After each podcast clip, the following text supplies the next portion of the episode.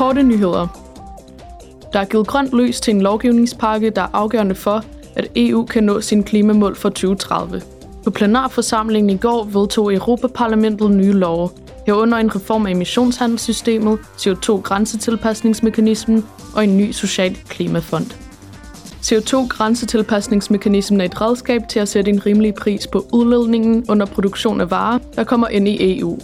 Mekanismen skal også tilskynde til renere industriproduktion i lande uden for EU.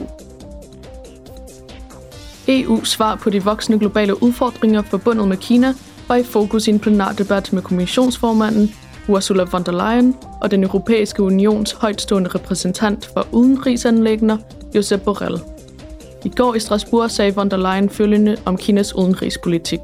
The shows of military force in the South China Sea. Demonstrationerne af militær magt i det sydkinesiske hav, i det østkinesiske hav og ved grænsen til Indien berører vores partnere og deres legitime interesser direkte.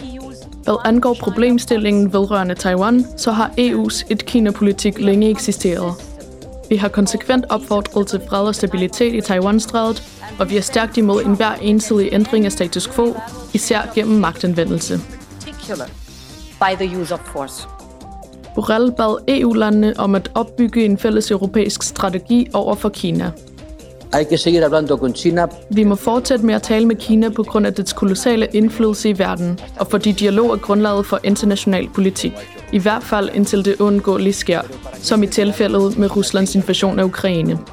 Men for at have en klar og effektiv dialog med Kina, skal vi tilpasse vores holdninger og udtrykke dem ikke med én stemme, for vi har en mangfoldighed af stemmer, men som et velafstemt kor pero sí como un coro bien afinado.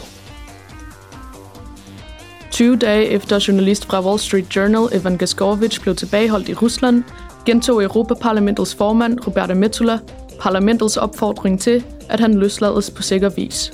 I begyndelsen af plenarforsamlingen opfordrede hun også til betingelsesløs og øjeblikkelig løsladelse af den fængslede oppositionspolitiker og Sakharov-prismodtager Alexei Navalny, hvis tilstand fortsat giver anledning til dyb bekymring.